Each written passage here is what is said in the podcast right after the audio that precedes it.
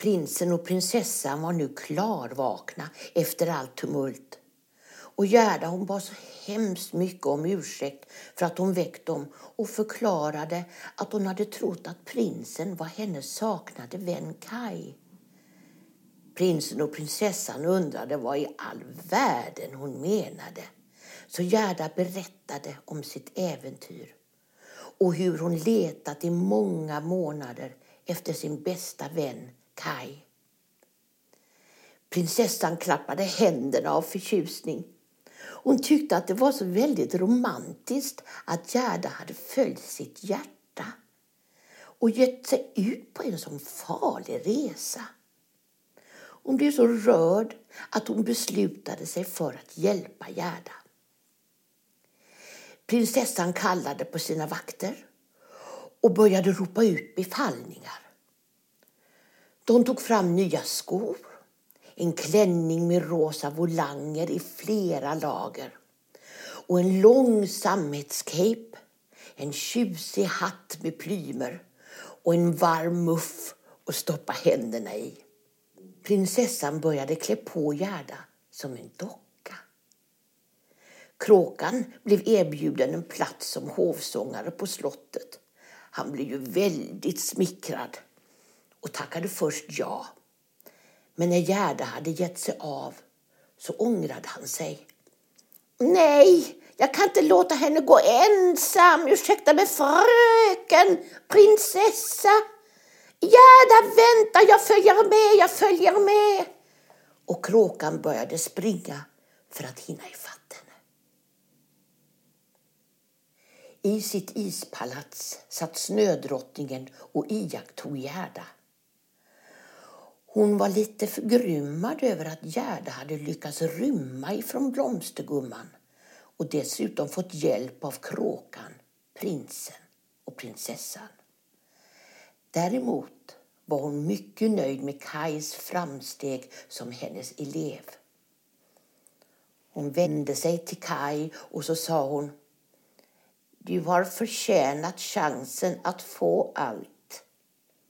Att få styra världen och ditt öde till vad det må bli. Om du klarar ett spel skänker jag dig hela världen och ett par skridskor. Hon gav Kai ett pussel av isbitar.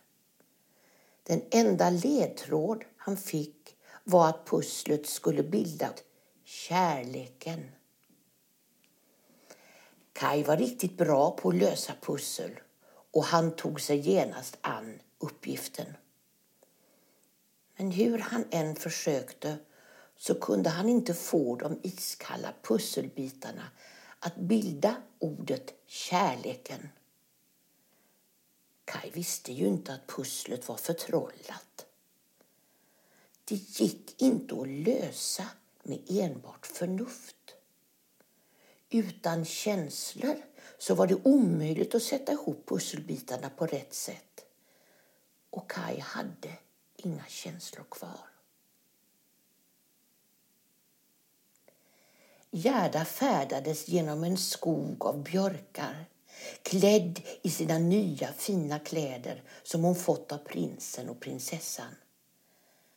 Snödrottningen bevakade henne som alltid ifrån sitt ispalats i norr.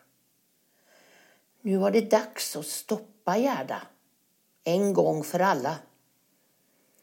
Snödrottningen åkallade en rövarkärring som bodde i skogen. Rövarkärring, väck alla dina rövare. En flicka är på väg. Henne ska du döda. Rövarkärringen tittade upp med ett brett flin och slickade sig om munnen. En ny flicka? Med nöje. Jag ska nog se till att hon får blöda.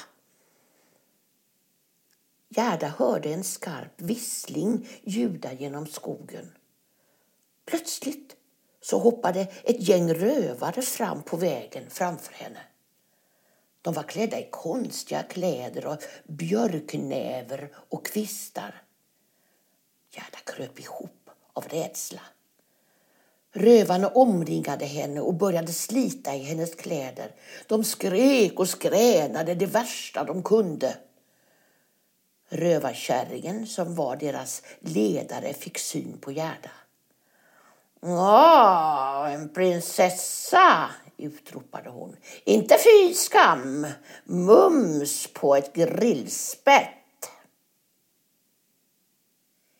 Gerda vågade knappt andas där hon stod öga mot öga med rövarkärringen. Runt omkring dem så skränade rövarna. Plötsligt hoppade en liten rövarflicka fram och släckte tag i rövarkärringen. Mamma, jag ska ha henne! Kärringen och flickan började slåss med varandra medan de andra rövarna bara skrattade och hejade. Efter en stund gav rövarkärringen med sig. Okej, du får henne. Flickan gick fram till Gerda. Ge hit muffen. Ge hit mössan.